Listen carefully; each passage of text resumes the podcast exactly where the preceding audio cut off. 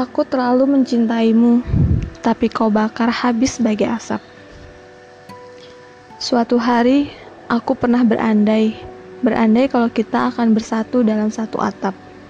Tapi itu hanya sebuah andaian yang aku andai-andaikan. Senja telah menyongsong pagi, sial, aku telah kehabisan akal untuk membungkam pikirku darimu. Melihat lelahnya malam, apa sanggup melupakan siang? Bagiku melupakanmu, berharap malam dan siang itu kian bertemu di tepi senja. Ah, pasti tidak mungkin. Kadang, ketika kepala sudah terbaring, pikirku masih bangun untuk terus memeluk bayangmu. Aku pernah bertanya pada hati ini, masih ada dia di sana. Sial, dia telah pergi begitu saja.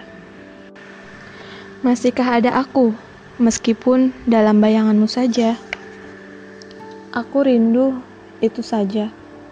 Semalam memimpikan kau. Perkara ini antara aku yang rindu atau kau yang rindu. Entahlah. Aku masih sering bertanya kepada senja, adakah di sana kamu rindu? Rindu ini masih mencari tuannya saat kau pergi mencari rindu yang lain. Akhirnya, Kau ditelan bumi, sedangkan aku menunggu di atas langit. Bayang wajahmu satu-satunya hal yang bisa membuat aku tersenyum pagi ini. Masa depanku telah hilang saat kau memutuskan untuk pergi. Jika aku mau menagih semua janjimu saat ini, apakah kau sanggup menetapinya? Jangan susah, melamarku saja.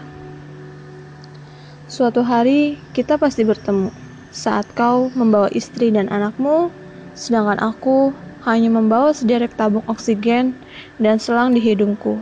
Memalukan. Jauh dari lubuk matamu, aku masih mencari sebuah alasan mengapa kau pergi. Mencari sendiri diriku yang hadir sudah mulai bias di dalamnya. Ternyata ada. Masih banyak derai air hujan yang membasahi pipi setiap detik jam 3 malam. Akhirnya, akan ada fase di mana sesak menghampirimu, dan kau berkata, Sial, aku menyerah.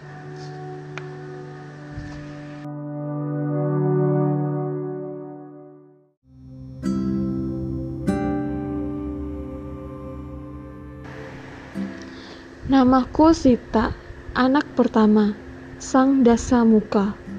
Ibuku adalah Dewi Mandodari, putri Widyadara Maya, yang tak terukur kecantikannya.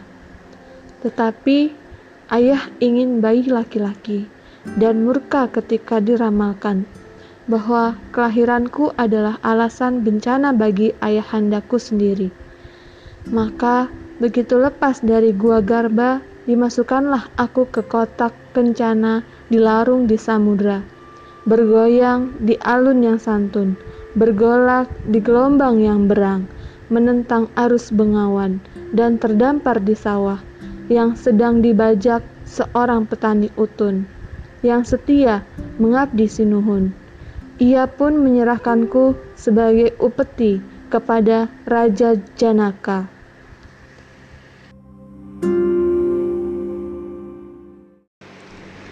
Halo, Assalamualaikum warahmatullahi wabarakatuh. Hari ini, Minpus akan mereview buku berjudul Berdamai dengan Diri Sendiri, karya Mutia Sayekti. Disimak ya reviewnya. Mengapa diri sendiri?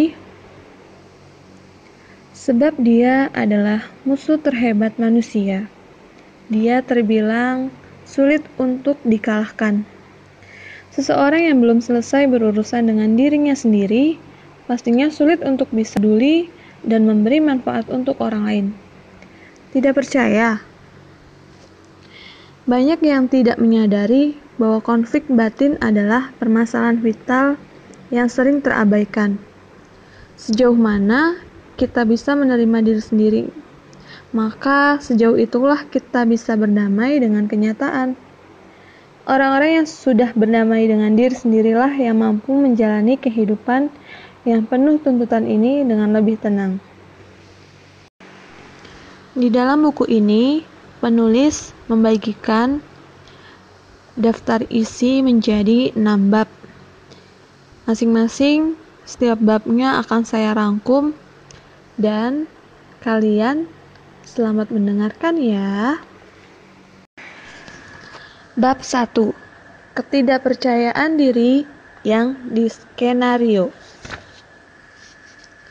Menurut Mike Robbins, dalam bukunya yang berjudul Be Yourself, berulang kali menyatakan bahwa tiap manusia di dunia ini terlahir otentik. Tidak ada rupa maupun karakter dalam jiwa seseorang yang bisa diduplikat oleh orang lain, sekalipun keduanya adalah kembar identik. Dari sini, saya pun berpikir bahwasanya setiap dari diri kita memiliki kelebihan dan kekurangan yang unik dan tidak dimiliki oleh orang lain. Sulitnya untuk bisa mensyukuri apa yang kita miliki jika dibiarkan akut, maka akan mengakibatkan banyak hal yang lebih buruk. Salah satunya adalah rasa minder yang berlebihan.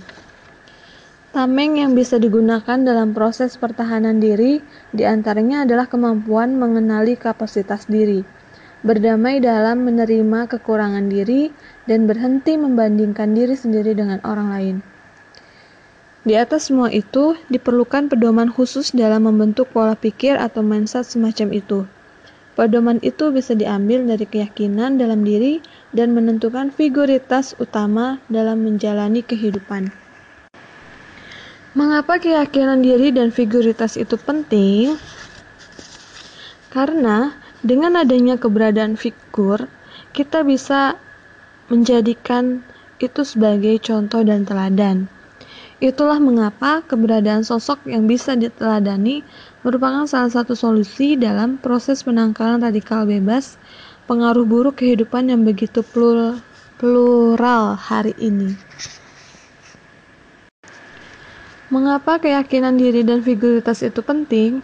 Karena dengan adanya keberadaan sosok figur, kita akan menjadikan sosok figur itu menjadi contoh dan teladan untuk kita.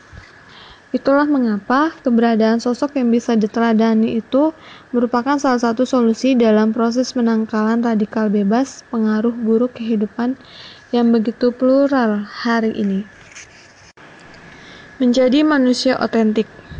Dalam buku tersebut, Robbins menyampaikan bahwa ada lima prinsip dasar yang diperlukan untuk menjadi pribadi yang otentik. Yang pertama, yaitu know yourself atau ketahui siapa dirimu sebenarnya. Kemudian, transform your fear, yaitu ubah ketakutan yang menggeluti dalam hidupmu. Yang ketiga, express yourself alias tunjukkan siapa dirimu yang sejati kepada dunia. Lalu yang keempat, be bold atau beranikan. Beranilah untuk menunjukkan jati dirimu sebenarnya itu. Dan yang terakhir, setelah kita semua berani menunjukkan jati diri adalah celebrate who you are.